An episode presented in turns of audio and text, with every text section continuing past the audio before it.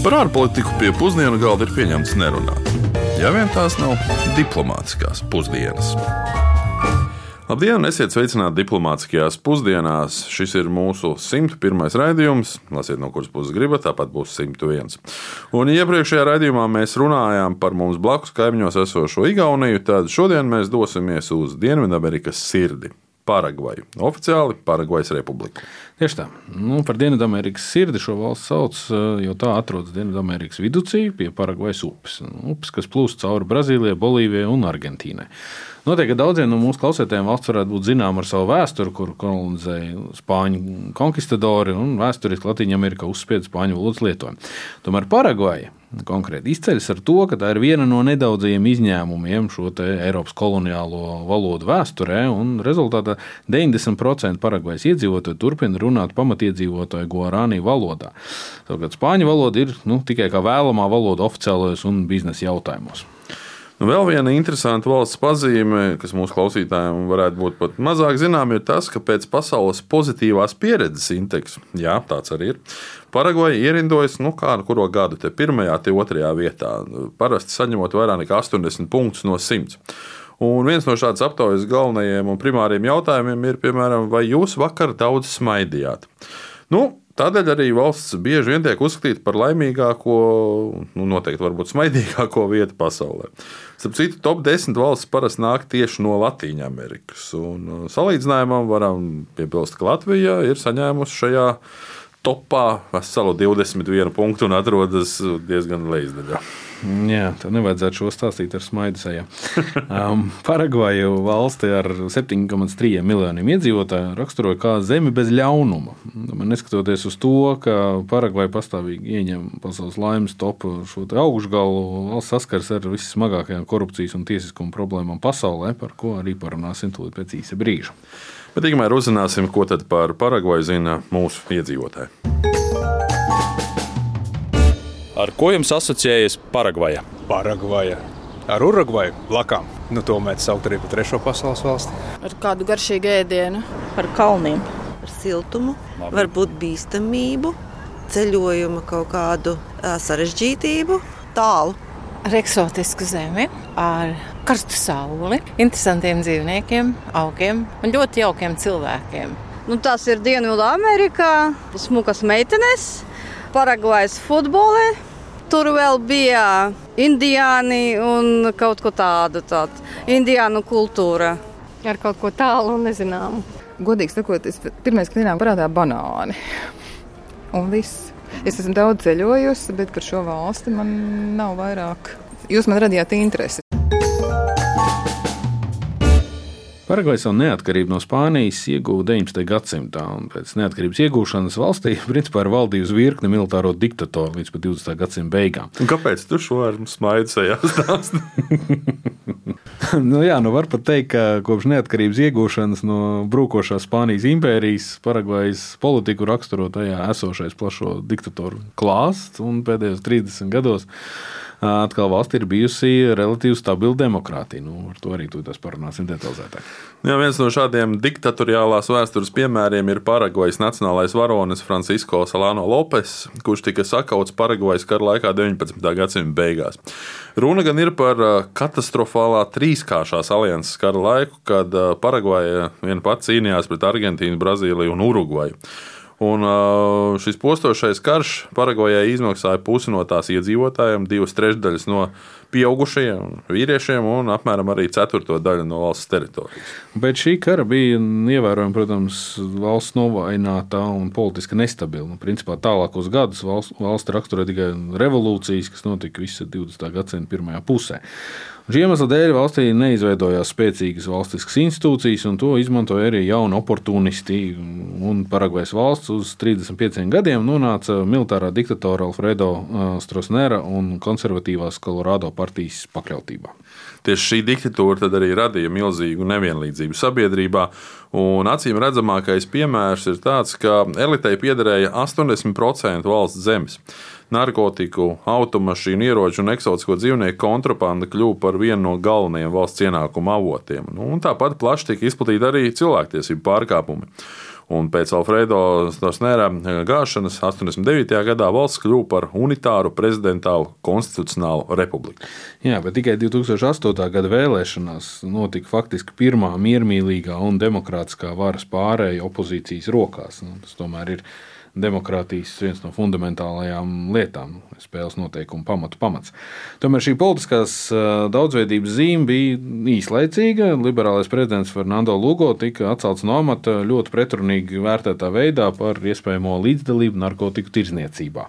Vēl ar vienu notiek diskusijas, ka konkrēta apsūdzība, protams, ir bijusi nepatiesa. Tomēr kopš tā laika Kolorādo partija ir turpinājusi dominēt prezidenta vēlēšanās ar pašreizējo prezidentu Mariju Abdo Benitezu.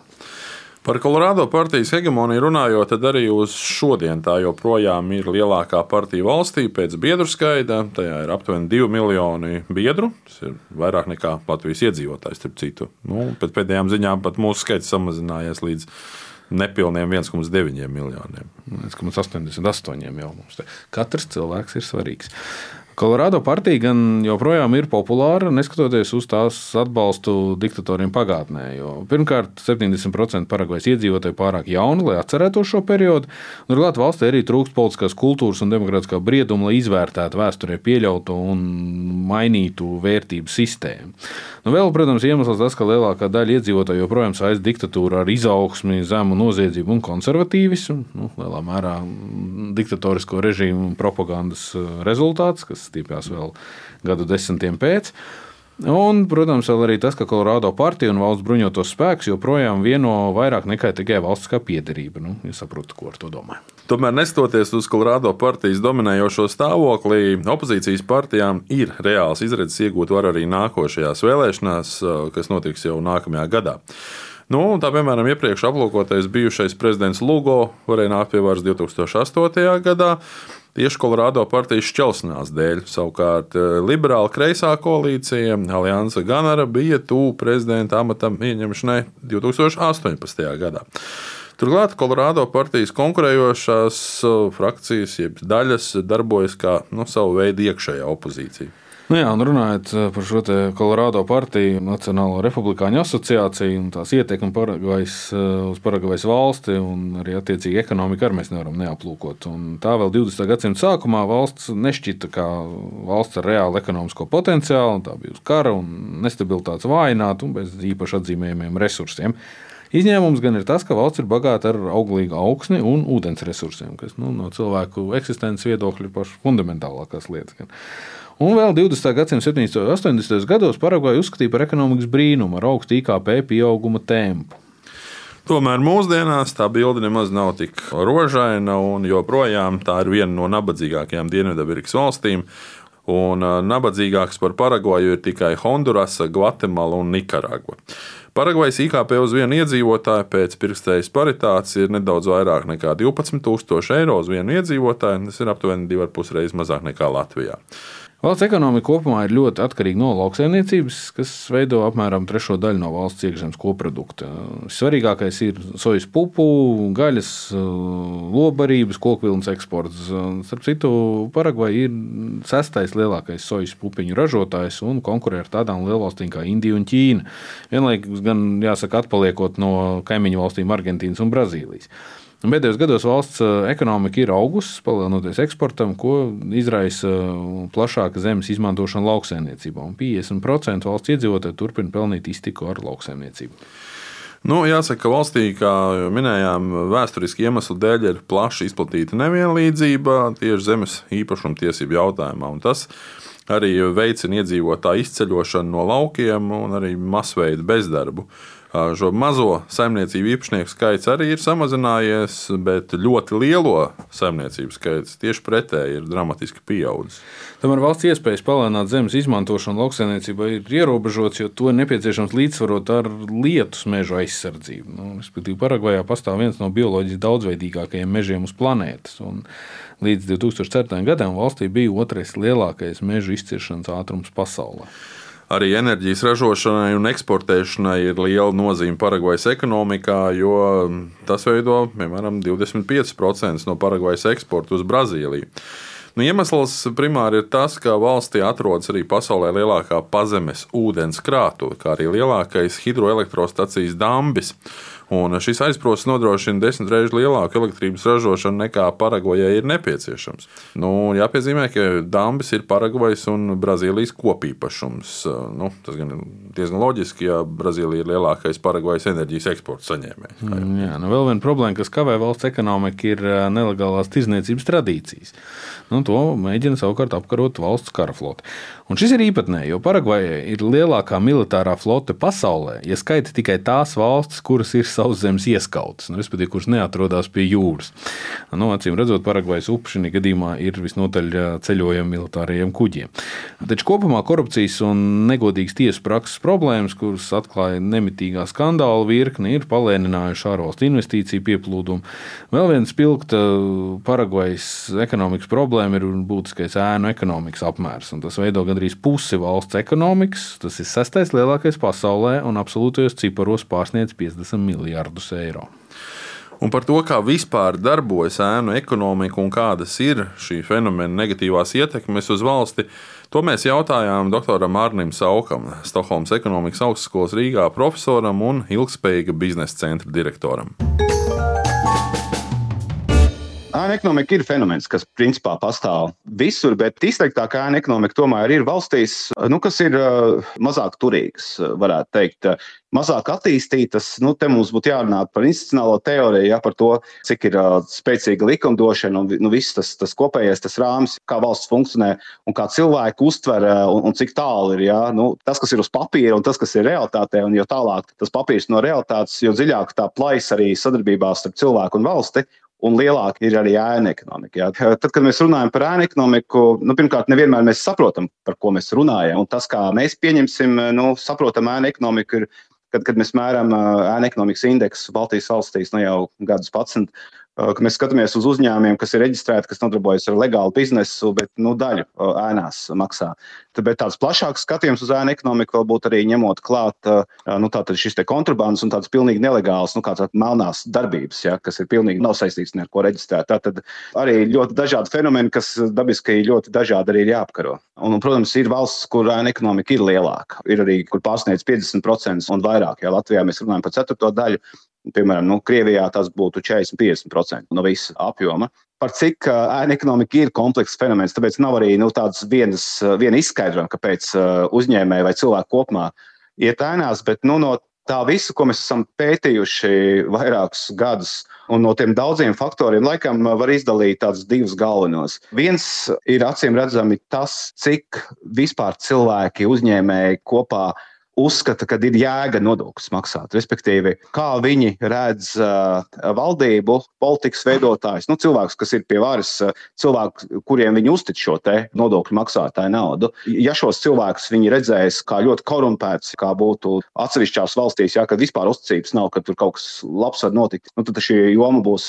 nu, šī ēna ekonomika būs ārkārtīgi augsta nu, jau attīstītākās valstīs un, un jau nu, samērā labi attīstītās kā Latvija, ja, ja redzēs, ka pakalpojumi, ko vēlas saņemt, to, to kvalitāti pret to, ko maksā, nav tik labi no, no valsts saņemtie, nu, tad arī šī iesaistīšanās būs ēnās lielāka. Otra lieta ir šīs pieķeršanas sekas, jo nu, mēs, piemēram, zinām, ka piemēram, Skandināvijas valsts, kur ir samērā nu, teikt, labi šie pakalpojumi sniegt un arī uzticamība valdībai liela, lai arī ir augsts nodokļi, uzņēmēji cilvēki kopumā ļoti labi maksā šos nodokļus, bet ir arī tā otra lieta, ka viņi zina, ka pie tā visa, kad viņi labi maksā, kad ja pieķers nemaksājot, nu, tad valsts viņiem dienas visu atņems. Tikai tad varēs izskaidroties. Tā kā ideāli ir šīs divas kombinācijas - vēlme maksāt un arī, nu, protams, tiem, kas nemaksā, arī adekvāts uh, sots.